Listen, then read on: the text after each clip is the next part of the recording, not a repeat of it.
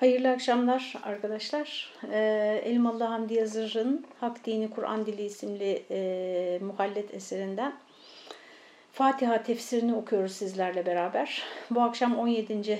E, beraberliğimiz ve hala biz Maliki Yevmiddin ayetinin tefsirindeyiz. Burada e, dinin tanımının e, üzerinde duruyor Elmalı Hamdi Yazır. Biz de işte o tanımın her akşam, her e, sohbetimizde neredeyse e, sadece bir kısmını e, tamamlamaya gayret ediyoruz. Şöyleydi tanım, e, hatırlayacaksınız. Din, zevil ukulu hüsnü ihtiyarlarıyla bizzat hayırlara sevk eden bir vaz-ı ilahidir demişti. İşte şimdi onun e, zevil ukulü okuduk, hüsnü ihtiyar meselesini okuduk. Bizzat hayır olması, dinin bizzat hayır olması ve hayra davet etmesi meselesini okuduk.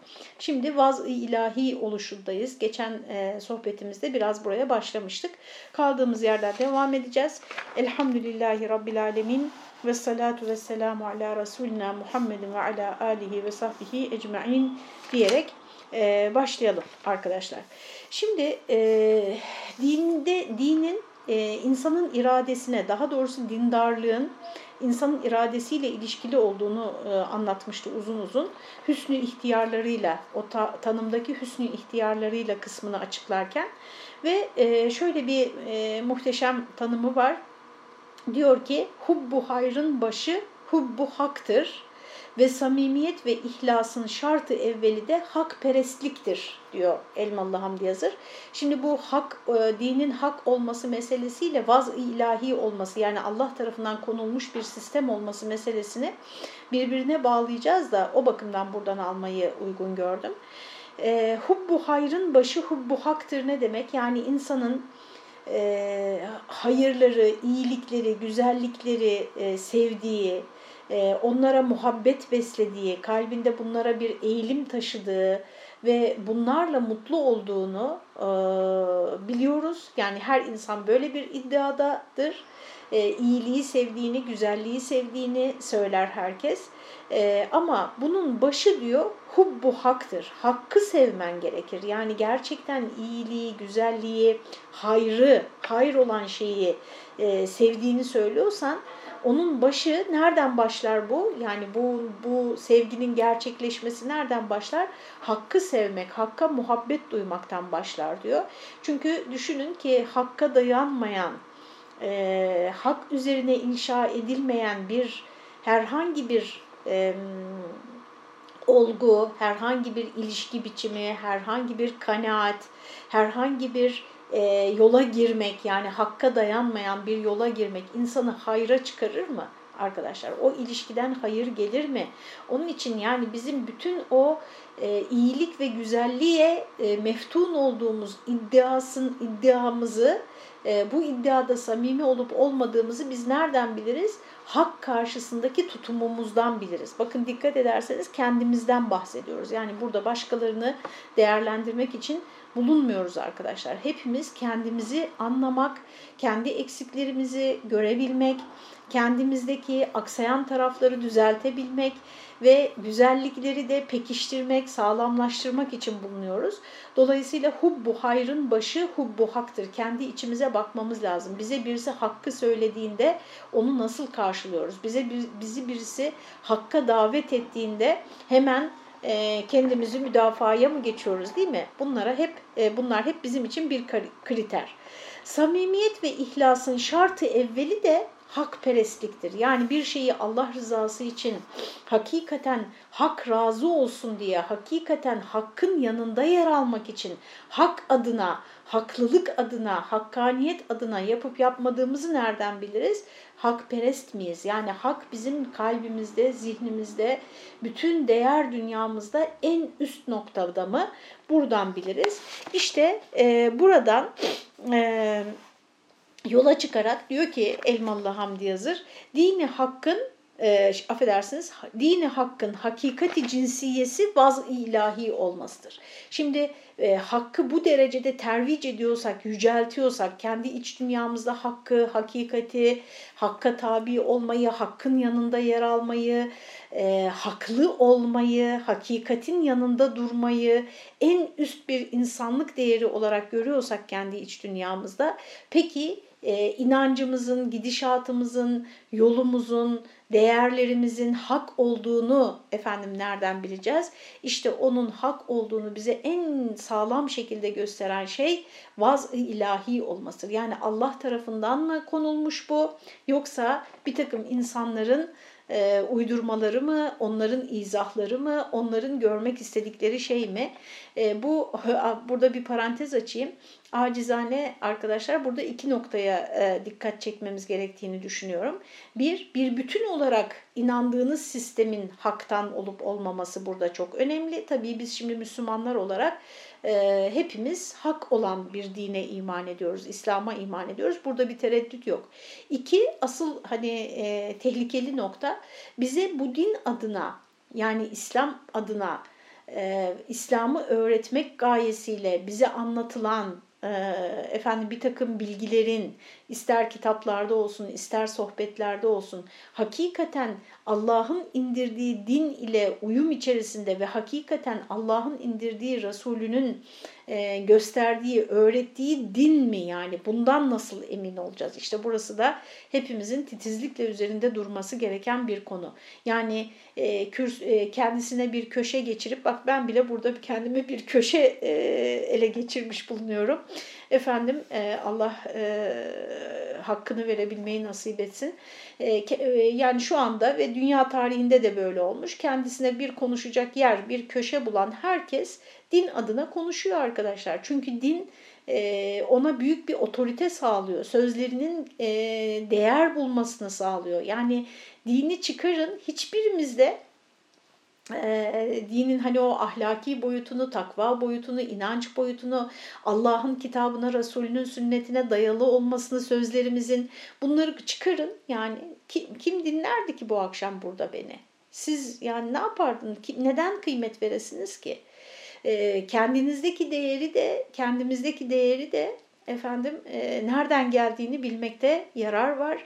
Biz Allah'ın kitabını anlattıkça sözlerimiz değer kazanıyor.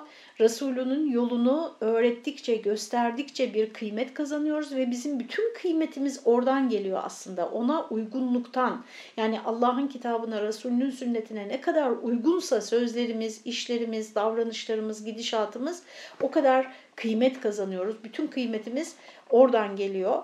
Ee, yani din adına bir şeyler yapanlar için söylüyorum. Dolayısıyla böyle büyük bir kıymet kazandırdığı için e, sözlerine, işte toplumdaki mevkiine, statüsüne, işte insanlarla ilişkilerine vesaire e, insanlar e, din adına tarih boyunca da konuşmuşlar. Bugün de konuşuyorlar. Dolayısıyla hani o anlattıkları şeyin gerçekten vaz-ı ilahi olup olmadığı yani daha bugün birisiyle bir görüşme yaptım. Arkadaşlar orada yani din adına, dindarlık adına, Kur'an adına, e, öyle yanlış söylemler, öyle yanlış anlatma biçimleri geliştirmişiz ki e, efendim şöyle diye diyor mesela genç. Diyor ki ben diyor e, yakın zamana kadar yani kendim hani okuyup anlamaya başlayana kadar e, Kur'an'ın benim aleyhime konuşan bir kitap olduğunu hep düşünürdüm. Yani öyle anlatıyor ki anlatan yanındaki etrafındaki işte her kimse ona anlatan kişi öyle anlatıyor ki yani tamam Kur'an'dan bahsetmeye başladı gene benim aleyhime bir şey çıkacak buradan. Gene ben buradan zararlı çıkacağım. Ee, işte Kur'an diyor, ayet diyor tamam gene başıma bir iş açılacak. Bakın bakış açısı bu, bu gencin yani. Ee, dolayısıyla e, o parantezi şimdi kapatıyorum. E, şu son cümleyi de söyleyerek. Arkadaşlar din adına konuşurken e, Allah e, adına yani Allah adına bile bana çok ağır geliyor bu cümle.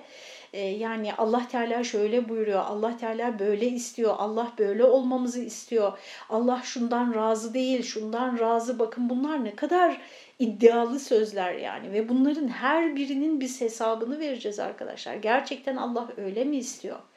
Gerçekten Allah ondan razı mı değil mi?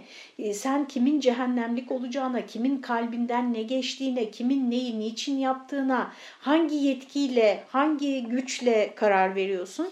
İşte bu hani vaz-ı ilahi olması meselesi bir bütün olarak dinin vaz-ı ilahi olması yanında işte dini bize anlatan insanların anlattıkları şey onların e, dinden anladıkları mı e, veyahut da görmek istedikleri mi yoksa hakikaten dini mi anlatıyorlar? Burada da ciddi bir e, ayrım yapmak durumundayız. O ayrımı hepimiz kendimiz yapacağız. İşte diyor ki vaz ilahi nasıl anlaşılır? Yani bize bir din ortaya koymuş birisi bizi bir dine çağırıyor, bir hayata çağırıyor. E, bunun vaz ilahi olup olmadığı yani Allah tarafından konulup konulmadığı nasıl anlaşılır? Bu nokta dinin en mühim meselesini teşkil eder. Yani bizi işte bir hakikate, hakikat budur, buna göre yaşayalım diye bizi davet eden birisi.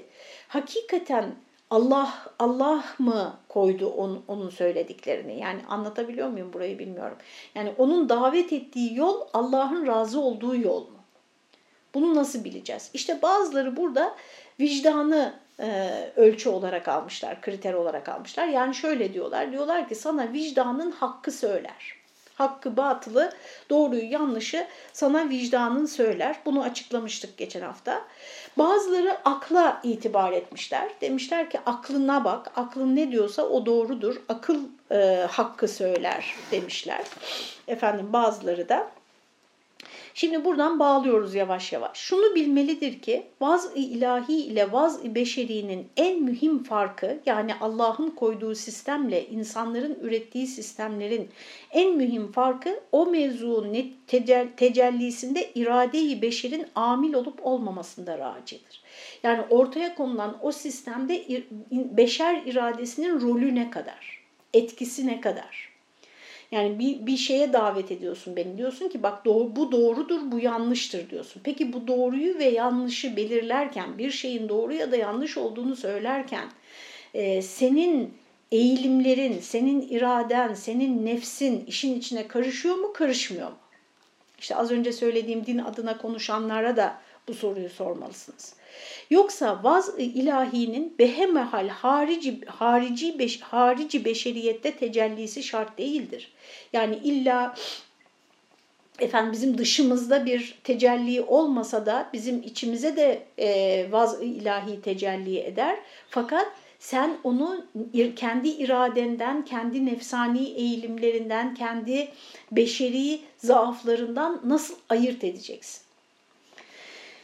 E, ve fil vaki ruhi insanideki tecelliyatın bir kısmı mühimmi vaz beşeri değildir. Gerçekten de ruhumuzda öyle bir takım tecelliler olur ki öyle e, ruhumuza öyle öyle uyanışlar gelir, öyle e, efendim e, şeyler doğar. Hakikatin kalbimize doğması yani öyle olur ki bunlar bizim oraya koyduğumuz şeyler değillerdir.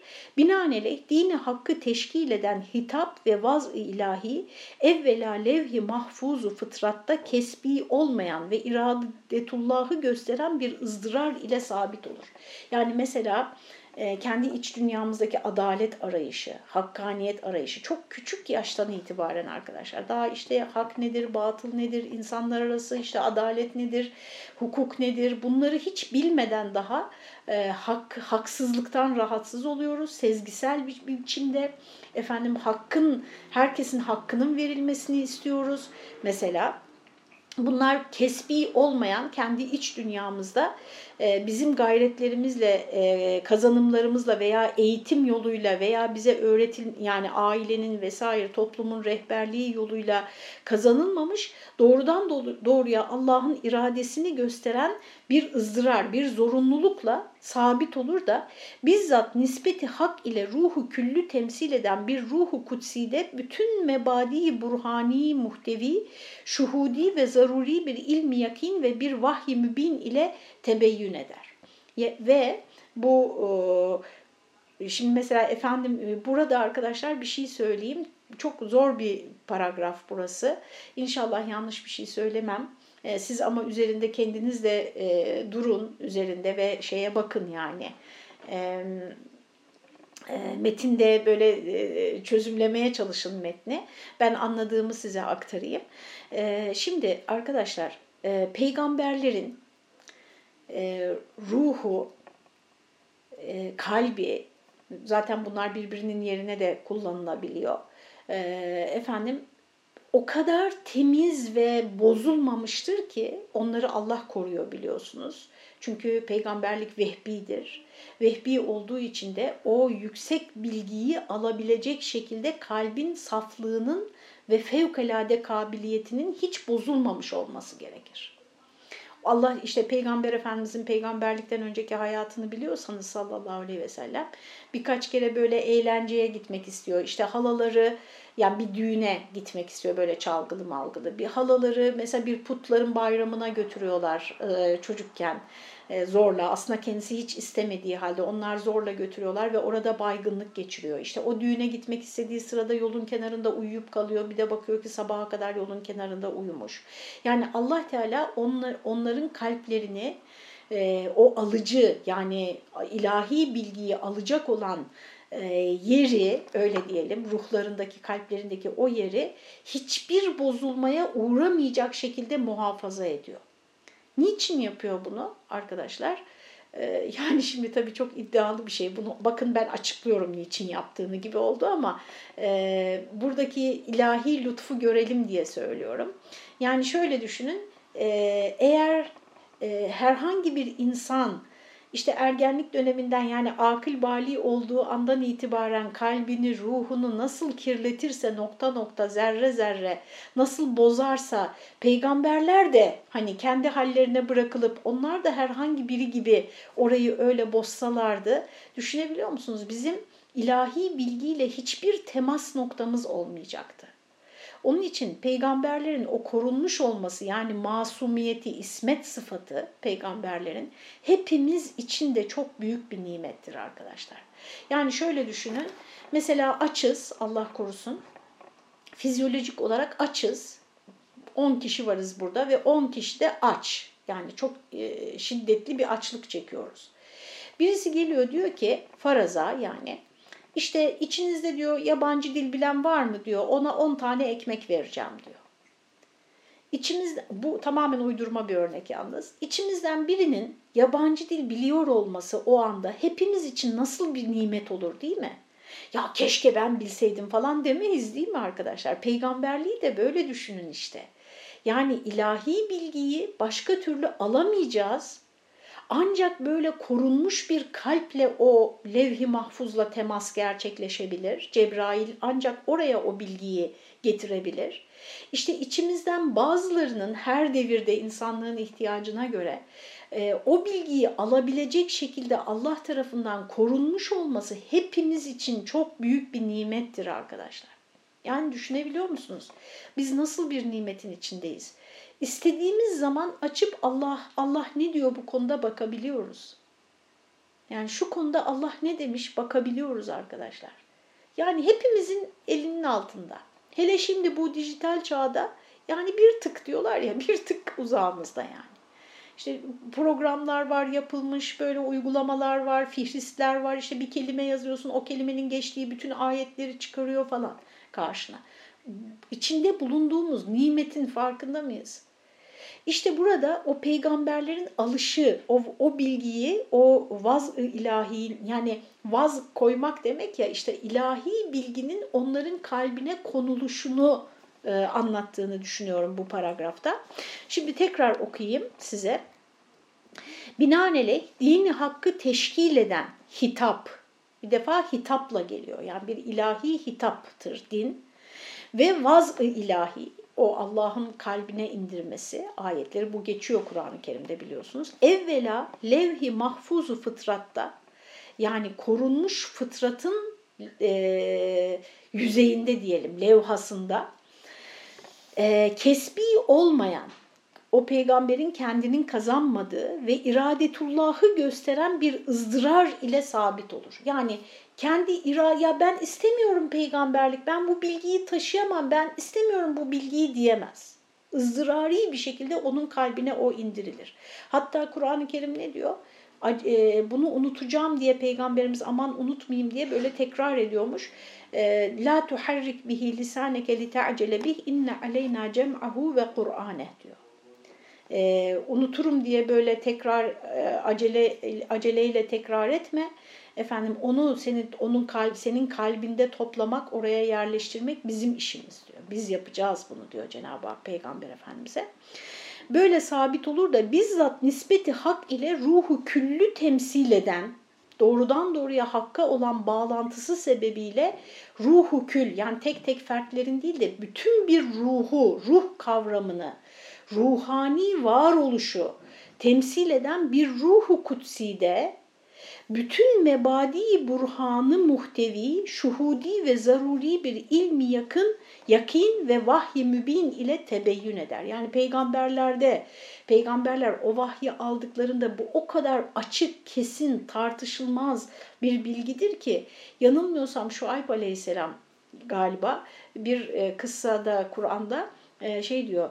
Peki ben böyle bir vahyi alıyorsam ne yapmalıyım sizce diyor. Yani kavmi diyorlar ya işte sen çok karışıyorsun bize falan diyorlar. Peki ben görevlendirilmişim yani bununla. Ve bu o kadar kaçınılmaz bir şey ki bundan ben uzak duramam yani, kaçamam, e, istifa edemem, efendim ya özür beyan edemem, mazeret ileri süremem. Yani yapmak zorundayım bunu. Beni, ne yapacağım? Benim yerimde siz olsanız hani ne yapardınız diyor adeta. Efendim e, ve sonra bu ilmi zaruri ve mutayatı yani bu e, kaçınılmaz bilgi ve onun e, getirdiği ona tabi olan diğer veriler, diğer bilgiler bir taraftan tevsiki tecrübi ve tarihi yani gözlem ve işte tarihi vesikalarla deli onların doğrulamasıyla diğer taraftan istidlalat akliye akli, aklın onun doğruluğuna dair deliller e, üretmesiyle ve ezvakı kalbiye ile sezgisel bir şekilde kalbin zevki yani o metni okuduğunda bu ilahi bir metindir diyorsun. E, özellikle de e, Arap edebiyatına vakıf olanlar hani bunu yeri geldiğinde hep söylüyoruz. E, inan yani iman etmiyorlar. Daha doğrusu dinlerini değiştirmiyorlar bazıları. Fakat diyor ki bu bir insan sözü olamaz diyor. Ama ona rağmen dinini değiştirmiyor. Çünkü herkes her doğruyu bilmek, e, tanımak, arkadaşlar bilmek demeyelim tanımak, doğruyu tanımak, doğruya tabi olacaksın anlamına gelmiyor. Çünkü doğruya tabi olmak ayrıca bir irade gerektiriyor. Ayrıca bir e, fedakarlık, bir yöneliş, bir çaba, bir şeylerden vazgeçme, bir şeyleri ikame etme, hayatını disipline etme gerektiriyor. Seyit Kutup Yol'daki işaretler de çok güzel anlatır bunu. Fırsat bulursanız okuyun o bir kült kitaptır. Efendim e, ne dedi burada? Şimdi bir taraftan tarihi tecrübe. Yani o insanı tanıyorsun. Asla yalan söylemeyeceğini biliyorsun. Asla çıkar gütmeyeceğini biliyorsun. Burada Elmalı doğrudan işaret etmemiş ama ben ona da bir parantez açarak e, biraz yer vermek istiyorum.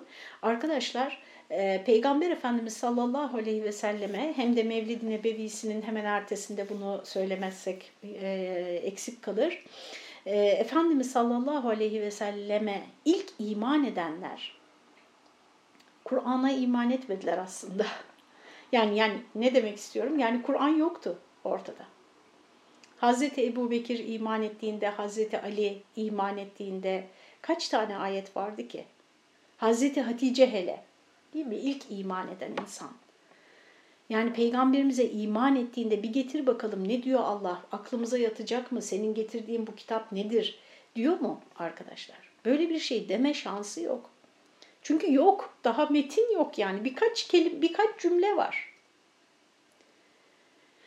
Çok küçük bir iki paragraf var belki. Yani ilk 40 Müslüman, ilk 100 Müslüman hani kaç tane ayeti bilerek peygamber. Peki neye iman ettiler onlar arkadaşlar? Neye iman ettiler? Onları iman etmeye sevk eden şey neydi? Efendimiz sallallahu aleyhi ve sellemin şahsiyetiydi arkadaşlar. Onun için e, bizim de başlamamız gereken yerin orası olduğunu düşünüyorum.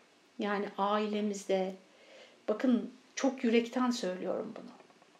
Ailemizde, efendim eşimiz, dostumuz arasında, e, sosyal hayatta ve şu anda ben mesela çoğunuzu hiç tanımıyorum bile. Sizinle olan ilişkide yani en uzaktakine varıncaya kadar siz şahsiyetinizle anlattığınız şeylere değer katacaksınız. Yani şahsiyetle e, şöyle diyelim size e, hakkı söyleyenin söylediği şeyle onun şahsiyetinin sizin üzerinizde bıraktığı tesiri ayırt edebilmek herkesin yapabileceği bir şey değil. Ben ayırt etmekten yanayım kendi adıma. Yani birisi bana hakkı söylüyor ama şahsi ilişkimiz çok bozuk. Yani çok itici bir insan mesela. Ben diyorum ki onun iticiliğine ben bakmam. Hakkı söylüyorsa doğrudur derim e, ve ondan istifade etmeye bakarım. Böyle olmalıdır. Ben böyle düşünüyorum. Ama arkadaşlar insanların çok büyük ekseriyeti böyle düşünmüyor. Yani ne deniyor ona? Defakto olan durum bu değil. Defakto olan yani yaşanan şey ne? Yaşanan şey insanlar ne söylendiği kadar hatta daha fazla onu kimin söylediğine bakıyorlar. Ve o söyleyen kişiyle kendi aralarındaki iliş, ilişki biçimine bakıyorlar. Onun ahlakına bakıyorlar. Dolayısıyla arkadaşlar eğer bir e, tesir, tesir demeyelim de yani sözlerinizin e, değerli bulunmasını istiyorsanız siz değerli bir insan olmalısınız. Çok basit bakın kural. Değerli bir insan olmaya bakmalısınız. Değerli insan olmanın kariyerle, etiketle, titirle, makamla, mevkiyle, parayla, güçle, cinsiyetle hiçbiriyle bir alakası yoktur arkadaşlar. Değerli insan olmak tamamen insani meziyetlerle alakalıdır. Bir işportacı çok değerli biri olabilir. Bir temizlik işçisi çok değerli biri olabilir. Çok yüksek mevkideki biri çok değersiz bir insan olabilir. Bu bakımdan yani bu noktanın da altını çizelim. E, tecrübi dediği yani e, tecrübi ve tarihi deliller nedir? Muhammed asla yalan söylemez. Muhammed asla çıkarı için bir şey yapmaz. Asla kimseyi kandırmaz. Asla onun bir iktidar olma, öne geçme gayesi, amacı yoktur. Yani o ne derse doğrudur. İşte şu dağın arkasında düşman var ve size saldırmak üzere desem bana inanır mısınız dediklerinde bütün müşrikler evet inanırız çünkü sen hiç yalan söylemedin dediler. Seni hiç yalan söylerken görmedik dediler.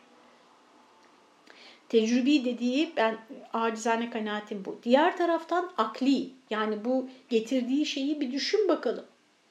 Akla aykırı mı? İnsanlığa aykırı mı?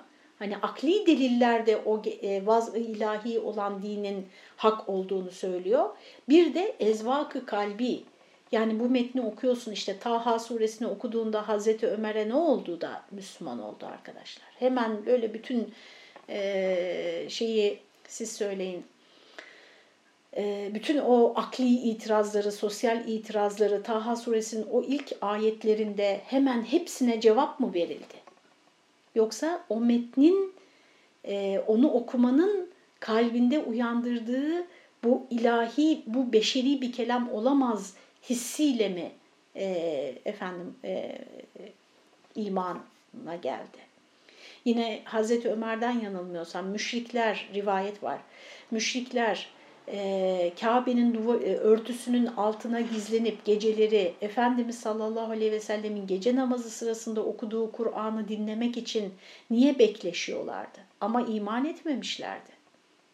İman etmemişlerdi. Burada da yalnız bir şeyin parantez içinde parantez şimdi. Bir şeyin altını çizmem lazım.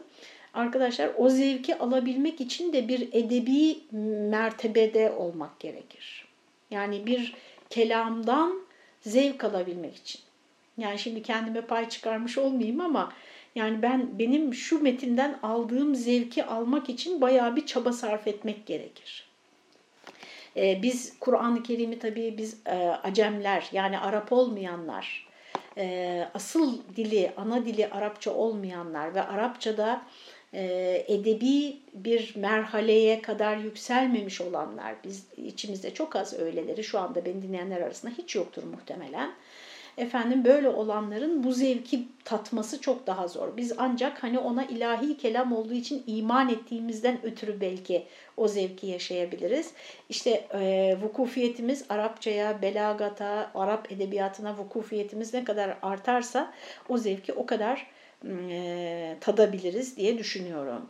İşte bu yollarla tecrübe, e, tecrübe ve tarih akli istidlal, deliller ve kalbin zevkleriyle tariki kespten inkişaf ve teammüm eder gider. Yani açıldıkça açılır, açıldıkça açılır e, keşf yolu, ke, e, efendim kesp, afer, affedersiniz kesp yolu. Yani siz kendi çabanızla ne zaman onun vaz ilahi olduğunu anlarsınız. İşte bu yollarla e, oradaki e, ilahiliğin tadına vardığınız zaman. Vahyin daima vicdanda bir misali, akılda da bir bürhanı vardır. Yani vahiy, akıl vahyi de tanır, akıl da tanır, vahyi vicdan da tanır. Herhangi bir insanın uydurmasıyla mesela okuyun farklı farklı dini metinleri, e, herhangi bir insanın sözüyle vahiy, mesela e, arkadaşlar Kur'an-ı Kerim'i bırakın hadislerde bile WhatsApp gruplarında yazdığınız, yaz, sizi tenzih ederim hadi yazılan diyelim. Yazılan hadis diye uydurulmuş sözler var ya böyle uçuşuyor havalarda. O yüzden neredeyse bütün WhatsApp gruplarından ayrıldım. Çünkü uydurmaların e, karşısında susmak durumunda kalıyorum. Başa çıkamayacağım için. Çok sayıda uydurma rivayet paylaşılıyor sürekli. Ee, arkadaşlar o kadar bariz ki yani hani o ifa, o sözler, o kelimeler peygamberin söyleyeceği sözler değil. Bir hadisi okuduğunuzda duyduğunuz zevk o sözde yok. Onu ayırt edebiliyorsunuz. Onu bile yani. Bir e, onların sonuçta o kelimeler Efendimiz'e ait. Mana Cenab-ı Hak'tan olsa da. Vahyin daima vicdanda bir misali, akılda da burhanı vardır. Fakat vurudu vahiy yani vahyin gelmesi, gerçekleşmesi bütün meşairi istila ettiğinden, bütün hisler, şuurlar, bütün hissedişler istila eder. Yani o vahiy geldiğinde Efendimizin nasıl olduğunu e, kaynaklardan okuyun. Mesela şimdi vahiy maddesini ansiklopediden okumanın tam zamanı. Efendim istila ettiğinden o anda ruh bütün mevcudiyetiyle şuhuda müstarak olarak yani o şahitliğe gömülmüştür vahiy. Yani orada tamamen bir alıcı e, durumundadır ve bütün hislerle irtibatı kesilmiştir. Dış dünya ile irtibatı kesilmiştir. Çünkü vahiy onu, inen vahiy onu her yönüyle kuşatmıştır. Böylece kabili mahız, mahz kesilir. Sırf alıcı durumuna geçer ve faaliyet iradiyesi ve kuvanın hususiyetleri muvakkaten münkatı olur. Orada peygamberin yani vahiy alanın hiçbir iradesi söz konusu değildir. Hiçbir şey yapamaz. Bir dakika dur biraz işim var biraz sonra falan böyle bir şey diyemez. O vahye müdahale edemez. Ee, şeyi gücü yoktur. Yani biliyorsunuz baygın gibi düşüyor Efendimiz sallallahu aleyhi ve sellem. Aklın yetişemediği ledünniyat vücudu görür ve bilahare ihtiyar ve iradesini ona tatbik eder. Ve arkasından da bütün e, gücünü, iradi gücünü ve tercihlerini o vahye göre e, efendim düzenler. Çünkü onun dışında hareket edemez. Efendimiz'i bu anlamda tehdit eden ayetleri, tehdit demeyelim de ikaz eden diyelim ayetleri hatırlayın. Müsaadenizi istiyorum. Bir dakika.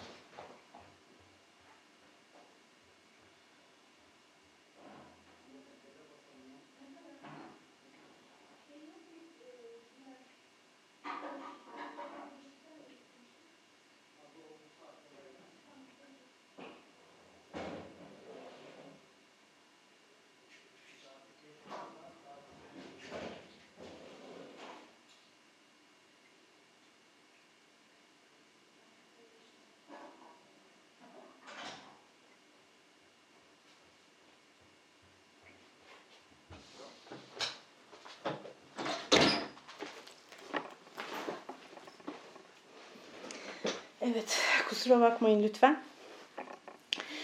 Ee, işte dini hak, bidayette nübüvvet denilen böyle bir vaz-ı ilahi ile sabit olur. Peygamberlik böyle bir şeydir ve dini hak, hak din bir peygambere dayanır, bir peygambere inen vahye dayanır arkadaşlar. Ve bu tecelli beşerde zuhur eder de vaz-ı beşeri olmaz. Evet vahiy beşerde tecelli eder, beşer üzerinde gerçekleşir ama vaz-ı beşeri değildir. Beşerin koyduğu bir şey değildir. Doğrusu ruhu beşer ilmi hakta fail değil kabildir. Hak bilgide beşer e, o bilgiyi üreten değil, o bilgiyi alandır. Malumat uydurulmaz, alınır arkadaşlar. Onun için din, dini bilgi ihbari bilgidir. Din semiyattandır. Yani şöyle diyoruz ya bazılarımız, işte bu benim aklıma mantığıma uymadı, uymayabilir. Ee, daha doğrusu ak, e, din akla uyar, akla aykırı değildir. Orası sakın yanlış anlaşılmasın. Akıl dışı değildir. Ama sen aklınla dine dair bir şey uyduramazsın. Bir şey üretemezsin. Aklını ancak yani üretirsin ama o batıl olur.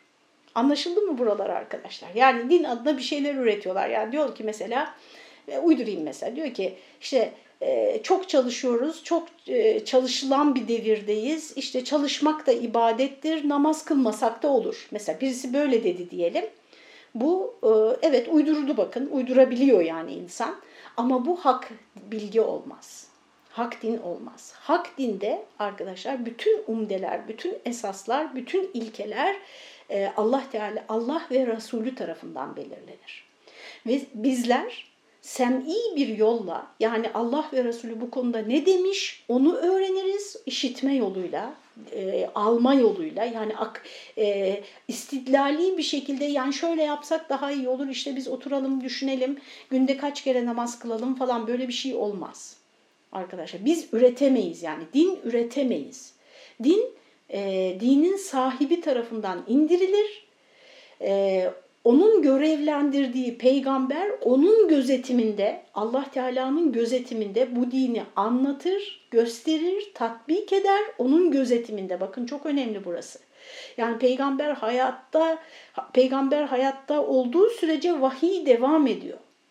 Bu ne demektir biliyor musunuz? Peygamberimizin kıldığı namaz, peygamberimizin tuttuğu oruç, peygamberimizin işte kadının örtüsünü tarif etmesi, peygamberimizin haccı tarif etmesi, peygamberimizin hangi muamelelerin faize gireceğini tarif etmesi, zekatın nasıl toplanacağını, nasıl dağıtılacağını bunların hepsi Cenab-ı Hakk'ın gözetiminde onayı, onayıyla olmuştur. Çünkü zelle miktarı da olsa bir insana yönelik hatası bile düzeltilmiştir biliyorsunuz. O hata da bana sorarsanız e, o hatanın da yapılmasına izin verilmiştir bilhassa diye düşünüyorum. Ki yani peygamberlerin e, bırakın dinin aslına dair bir tatbikatı bir insana e, selam verdiğinde nasıl karşılık verecek, soru sorduğunda ne yapacak buna dair bile hatalarına, eksiklerine göz yumulmayacağını bize gösteren, dolayısıyla eğer peygamberin bir yorumu, bir tatbikatı eleştirilmemişse onun Allah tarafından onaylanmış olduğunu bize gösteren e, hadiselerdir. Abdullah bin İmmi Mektum'la mesela yaşadığı.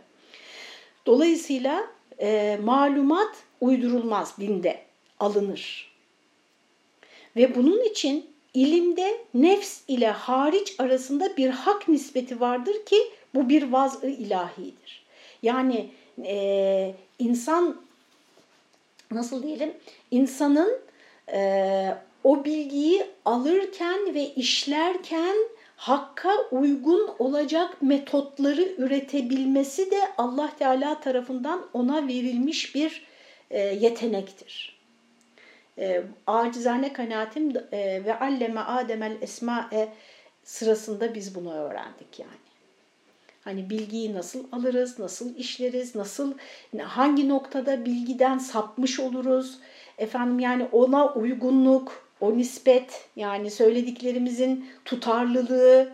Efendim mesela bir metin okuyorsunuz, bir romanda bile değil mi tutarlılık bekliyorsunuz. Diyorsunuz ki ya kahraman biraz önce şöyle yapmıştı şimdi niye böyle yapıyor? Burada bir tutarsızlık var yazarın gözünden kaçmış diyorsunuz. Bir film izliyorsunuz diyorsunuz ki işte orta çağda geçen bir film adamın kolunda saat var diyorsunuz. Rahatsız oluyorsunuz o sahnede çünkü bir ihmal hissediyorsunuz. Dolayısıyla o tutarlılık, bütünsellik, e, e, şeyler siz söyleyin istintak ve istindaç metotları yani bilgi üretme ve öncüllerden sonuçlar üretebilme kapasitesi e, ve bunların par parça parça olmaması, bir bütün içerisinde olması, her her bilginin bir bütün içerisine yerleşecek bir yeri olması, mantık silsilesi bunların hepsi vaz ilahidir. Ruhun kendinde ihtiyarını karıştırarak imal ettiği fikirlerde ise yani ruh da bir takım fikirler üretir. Biz sadece dışarıdan almayız değil mi? Mesela kendimize göre iyilik, kötülük anlayışı, kendimize göre nezaket, kendimize göre haklılık. Hele bu haklılık meselesinde arkadaşlar aman Allah'ım insan kendisini haklı görmek için nasıl bütün gücünü kullanıyor? Ee, bize gelen sorularda biz onu çok gözlemleriz yani. Maşallah diyor insan yani her konuda böyle aklını kullansa bu insan hiç yanlış yapmaz diyorsunuz. İnsan yani e, inanılmaz bir şekilde e, imali fikir ediyor kendisini savunabilmek için. Bu benim örneğim. Burada söylenen ise şu, ruhun kendinde ihtiyarını karıştırarak, kendi tercihlerini karıştırarak imal ettiği fikirlerde ise ilim gah bulunur, gah bulunmaz. Bazıları bunlar ilme uygun olur, bazıları olmaz. Bu da bir vaz-ı beşeri olur. İnsan ortaya koyduğu sistem olur. İşte bütün felsefeler böyledir, felsefi sistemler böyledir. Felsefe, e, küçümseyerek söylemiyorum kesinlikle. E, arkadaşlar felsefe tarihi e, işte fikirleri birbirini nakzetmesinin tarihidir. Demek ki her ilmi yakin yani kesin tartışılmaz dediğimiz her bilgi bir vaz ilahidir. Bu acizane kanaatim burada zaten onu da hissediyorum bu metinde. Bu isterse müspet bilimlerde olsun arkadaşlar. İlmi yakin ne demek? Yani e, teori değil, gerçek kesinleşmiş bilgi. Her kesinleşmiş bilgi vaz-ı ilahidir. Allah tarafından konulmuştur. İster tabiat bilimlerinde olsun, ister dini bilgilerde olsun. Bunun için mesela işte aklınızda bulunur mu kalır mı bilmiyorum ama bilenlere hatırlatmış olayım en azından. Ee, mesela bağlayıcı olan dini delillerin şartı nedir arkadaşlar? Bir dini delilin yani bir ayet ya da hadisin bağlayıcı olması için oradan çıkan e, hükmün farz ya da haram gibi kesin bir bilgi, yakini, kesin bir bilgi e, ifade etmesi için taşıması gereken bir şart var. Neydi o? Subutu kat'i olacak ve manaya delaleti de kat'i olacak. Yani o ifadenin ayet olduğu kesin olacak ya da Efendimizin sözü olduğu kesin olacak. Subutu kat'i. Manaya delaleti kat'i yani o ifadeden başka bir anlam çıkarılamayacak şekilde de kesin o, o anlamı ifade ediyor olacak. Onunla çelişen başka bir çelişen demeyelim, onun onu açıklayan veya onun onu detaylandıran, onu e, sınırlayan başka bir ayet, hadis, aynı kuvvette başka bir ifade olmayacak. E, dolayısıyla yani mesela Kur'an-ı Kerim'de işte bir emir cümlesi gördüğünüzde gördünüz mü bak burada Allah emrediyor bu farz diyemezsiniz. Çünkü o em diyemeyiz biz yani. E, çünkü o bir dini metindir. O metinden hüküm üretebilmek için yani içtihat yapabilmeniz için onun e, o e, kuvvetteki diğer bütün delillerle karşılaştırılması ve hep birlikte değerlendirilmesi gerekir. Özellikle itikadi konularda aman ha arkadaşlar. Sakın ağzınızı açmayın. Benim size tavsiyem budur. İster tutun ister tutmayın benim tavsiyem. Yani e, falan kafir şöyle yaptı, münafık oldu, böyle yaptı, kafir oldu, böyle yaptı, fasık oldu. Bir de böyle şey var, Ee, onu da yani bir soru işareti olarak düşünün diye zihninize koyayım. Bir de böyle ehli sünnet zabıtaları var yani. Böyle ehli sünnetin böyle belli bir maddeleri var. O maddelere uymayan birini ehli sünnet dışı ilan ediyorlar. Arkadaşlar ehli sünnetin kelamcıları birbirlerine muhalefet etmişler. İmam Maturidi ile e, efendim talebeleri efendim siz söyleyin e, diğer mezhep imamları ehli sünnetin içerisinde yani. Birbirlerine kaç tane konuda farklı görüşler beyan etmişler. Ne olacak şimdi? Onlardan hangisi ehli sünnet dışı? Anlatabiliyor muyum? Bu e, bir mesele hakkında hüküm verebilmemiz için arkadaşlar e, içtihat mertebesinde olmamız gerekir. Bir kimse içtihat mertebesinde değilse hüküm verme konusunda avamdır. Fıkhi ve kelam itikadi anlamda yani fetva anlamında söylüyorum. Dolayısıyla ben avamım yani. Bir, bir, bir derste öyle demiştik. Biz avamız demiştim. Dolayısıyla fetva vermeyelim demiştim. Altına bir sürü uyarı geldi. Hadi kendinizi avam yaptınız, bizi niye avam yapıyorsunuz diye. Buradaki avam sosyolojik anlamdaki avam değil arkadaşlar. Bir kimse fıkhi anlamda yani İslam hukukunun muhatabı olma açısından ya müçtehittir ya avamdır, ya müftidir ya avamdır. Yani ya fetva verme makamındadır, yeterliliğindedir bugünkü idari e, amir anlamındaki müftüyü söylemiyorum. Fetva verme yeterliliği anlamında söylüyorum. Dolayısıyla çok e, dikkatli olmamız gerekir bu konularda. Bir de hele hele itikadi anlamda birine kafir demek, münafık demek, fasık demek öyle tehlikeli bir şeydir ki arkadaşlar. Eğer e, o isnat ettiğiniz, küfür isnat ettiğiniz kişi, sizi tenzih edeyim hadi küfür isnat edilen kişi Kafir değilse isnat eden kişiye döner küfür isnadı. Bu bakımdan aynı beddua gibidir. Yani beddua ettiniz birine eğer o kişi layık değilse beddua edene döner. O beddua. Bu yüzden hiç kimse hakkında ne küfür isna hele hele kendisi çıkıp aleni bir şekilde ben kafirim, ben Kur'an'a inanmıyorum, İslam'a inanmıyorum, Hz. Muhammed'in peygamberliğine inanmıyorum demedikçe ve başka türlü yorumlanamayacak bir şekilde Böyle demedikçe arkadaşlar hiç kimseye kafir diyemezsiniz. Ben Müslümanım diyen hiç kimseye hayır sen kafirsin diyemezsiniz. Evet insanı dinden çıkaran, küfre sokan durumlar vardır. Ama gene de sorduğunuzda adam ben Müslümanım diyor. Belki biraz sonra tevbe etti ona yani. Dolayısıyla onun durumunu Allah'a bırakacağız. Biz bu insanı küfre düşüren halleri Niçin öğreneceğiz? Kendimiz için arkadaşlar. Kendimiz aman sözlerimize dikkat edelim, edelim aman davranışlarımıza dikkat edelim. Bizi e, küfür e, derekesine indirecek hallerden muhafaza edelim kendimizi diye dikkat edeceğiz bunlara. Evet, böyle bir hak tasdiki de ihtiyar ve iradeyi beşerden tecrit ile mülahaza edilmeye mütevakkıftır.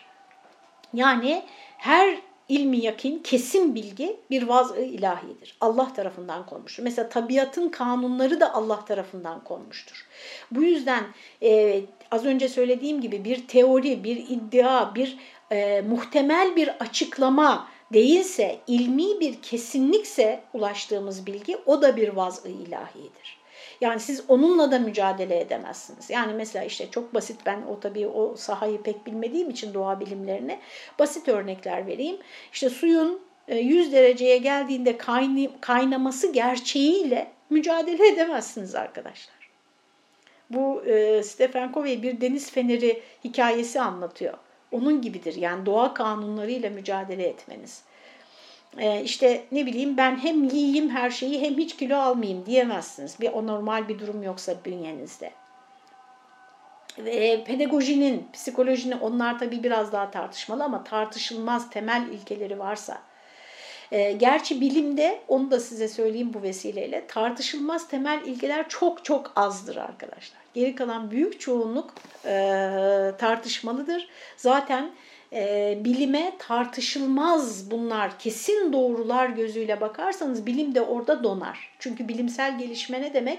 Sizden önceki bilim insanlarının söylediklerinin e, yanlış olabileceğin ihtimali üzerine bilimsel gelişmeler ilerler. Veyahut da onların boşluklarını bulup o boşlukları doldurmak şekliyle, e, suretiyle ilerler. Şimdi böyle bir hak tasdiki yani Allah indirmiştir bu kelamı, tabiatın bu kanunu Allah koymuştur. Bunu tasdik ettiğimizde bu tasdik ihtiyar ve iradeyi beşer, beşerden tecrit ile mülahaza edilmek, değerlendirilmek zorundadır. Yani benim tercihim değil bu suyun yüz derecede kaynaması. Benim tercihim değil son peygamberin Hicaz bölgesinden Muhammed isminde birisi olması. Anlatabildim mi? Ben, ben bunları bunları bu, bu konuda benim yapabileceğim bir şey yok. Allah suyu 100 derecede kaynayacak şekilde normal şartlar altında işte şeyde değil mi deniz kenarında efendim yaratmış ve son peygamberi de Hicaz'dan seçmiş. Araplardan seçmiş. İndirdiği son kitabı da Arapça olarak seçmiş. Bu konuda benim yapabileceğim bir şey yok. O kitapta da şunları söylüyor. Orada benim yapabileceğim bir şey yok. Hepimiz onun karşısında arkadaşlar e, elimizden geldiğince uymak durumundayız yani. Alelhusus din gibi doğrudan doğru efal ve ahvali beşeriye ile alakadar din neyi ilgilendiriyor arkadaşlar? Nereye hitap ediyor? İnsanın davranışlarına, insanın durumlarını açıklıyor. İnsanın da insandan bazı davranışları istiyor. insanın davranışlarını değerlendiriyor. Bununla alakadar ve ihtiyar beşere mebde olan yani e, neyi nasıl yapacağız, neyi nasıl tercih edeceğiz bunun kaynağı var dinde. Diyor ki bunu şöyle yapın, burada şöyle işte üzülmeyin, e, ne bileyim şu konuda affedici olun, kin tutmayın. Yani duygularınızı, davranışlarınızı, nasıl o tercihlerinizi, duygularınızla ve davranışlarınızla ilgili tercihlerinizi neye göre yapacağınızı söylüyor. İşte mebde olan kavanini harekatta, davranış kanun, kura, e, kanunlarında bu lüzum daha kat'idir. Hangi lüzum? Arkadaşlar oraya sen kendi zevkini ve tercihini karıştırmaman lüzumu. Bu nokta çok önemli arkadaşlar. Geçen de e, Twitter'da yazdım. Sizinle de paylaşayım şimdi. Arkadaşlar bu kitap nefsimizi terbiye etmek üzere indi. Değil mi? Yani insanın nefsini hayvani düzeyden alıp meleklerden de üstün tekamül diyoruz buna ve oraya varana da insanı kamil diyoruz. Meleklerden de üstün düzeye yükseltmek için indi. Yani nefsimizi terbiye etmek içindi. Nefsi terbiye etmek için inen bir kitabın nefsin hoşuna gitmemesinden daha doğal ne olabilir ki arkadaşlar? Tabii ki hoşuna gitmeyecek yani. Yani diyet yapmak da nefsin hoşuna gitmiyor. Spor yapmak da nefsin hoşuna gitmiyor. İşte disiplinli olmak da erken yatıp erken kalkmak da nefsin hoşuna gitmiyor. Sağlıklı beslenmek de sağlıklı gıdaların çoğu maalesef haz vermiyor. Yani yani bir söyleyin insana faydalı olup da ay ay nefis de bunu çok seviyor dediği ancak terbiye edilirse nefsi e, levvameden, nefsi mutmainneye yükselirse o zaman iyiliklerden, hayırlardan, güzelliklerden zevk alır hale gelir. O zaman tabii büyük bir ivme kazanıyorsunuz. Çok hızlı başarıyorsunuz her şeyi. Ama o noktaya gelene kadar nefis direniyor yani sürekli ve bu çok tabii bir şey. Dolayısıyla açtığınız Kur'an'ı, açtığınız hadisleri tabii ki hoşunuza zekat vermek hangi zenginin hoşuna gidebilir ki? Nefsinin, nefsinin hoşuna gidebilir ki arkadaşlar. Yani ben çalıştım ben kazandım diyor. Ve zenginseniz zekat basit değil yani bayağı bir para. bayağı bir miktar yani. 3-5 değil yani. Nasıl onu böyle gözünü karartıp vereceksin? Nasıl mesela bütün dünya faizle e, durup durduğu yerde kat kat artırırken servetini sen ona bulaşmadan hep alnının teriyle çalışmayı tercih edeceksin, kazanmayı tercih edeceksin. E, hiç kolay değil. Dolayısıyla buraya hiç karıştırmayacaksın. Nefsini e, hiç buraya karıştırmayacaksın. Garaz, hırs, garaz, hırs, teşehhi, iştahlar böyle arzular. Kalbu, ak, e, kalbu aklı sislendirir. Aklınızı ve kalbinizi bunlar böyle dumanlı hale getirir. Ney? Garaz, hırs, teşehhi. Çeşmi basireti şaşı yapar. Basiret gözünüz şaşı olur bunların etkisiyle. Ya hiç göstermez veya çatal gösterir. Bunun için ilmi dinde teşehhiden tecerrüt şartı azamdır. İlmi din yani din ilimlerine sizin nefsinizin arzuları hiç karışmamalıdır arkadaşlar. Dolayısıyla ben anlatırken kendi çocuklarıma da çok söylerdim bunu. Çocuklar yani bu benim de hoşuma gitmiyor. Çok böyle çok ay ne kadar şahane işte yazın e, kısa gecelerde akşam 11'de e, yatsı yıkılıp sabah işte 3'te 4'te de sabah namazına kalkacağız. Veya ne bileyim Haziran ayında oruç tutacağız ne kadar şahane demiyor nefsim yani.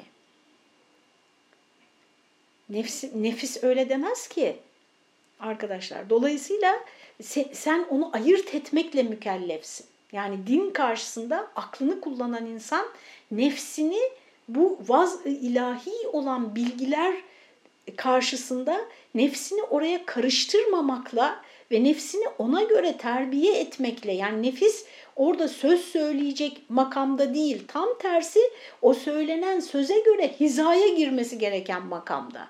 Bunu ayırt edebilmek ve bunun kontrolünü sağlayabilmek de senin irade ve ihtiyarını o dine tabi olmak için kullanmana bağlı.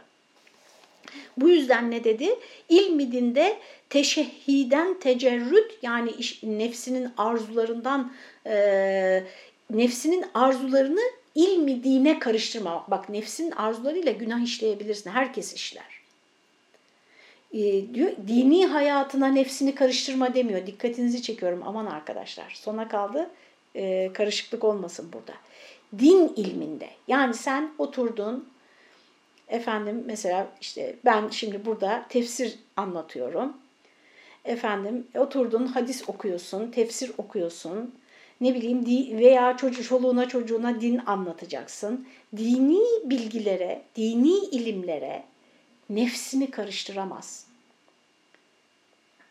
Nefsinin arzularını karıştıramazsın. Men fesseral Kur'ane bi ra'yihi fakat kefera. Hadis-i şerifini zikrediyor burada. Kur'an'ı re'yi ile tefsir eden kafir olur. Yani e, rivayeti hiç dikkate almadan Kur'an'ın o ilk nesil tarafından nasıl anlaşıldığını ve nasıl uygulandığını hiç dikkate almadan sırf kendi görüşüyle ama buradaki görüş nefsin e, şey yaptığı, nefsin etkisindeki görüşle tefsir eden kafir olur. Hadis-i şerifi de bunun natıktır.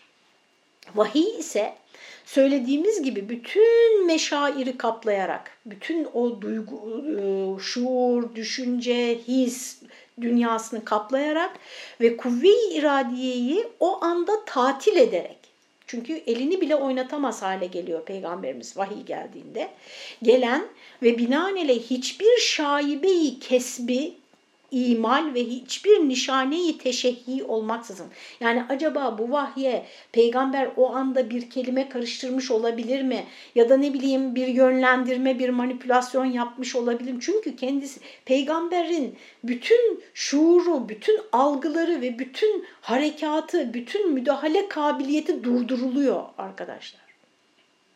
Durduruluyor, vahiy onu kaplıyor bütün olarak hiçbir nişane-i teşehhi, hiçbir e, yani nefsani bir arzunun oraya karışma alameti olmaksızın ruhun kabiliyeti sırfesi üzerinde, ruhun alıcı kabiliyeti, sırf alıcı mahiyette yani, üzerinde zahir ve batınından tam bir telkini zaruri ile, yani o ne indiriliyorsa onun karşısında çaresiz ruh o anda vaz ilahiyi veren en bedihi, en zaruri bir ilmi yakin olduğu cihetle bu yüzden mesela sahabe peygamberimize gelen vahiyden hiç şüphe etmemişlerdir.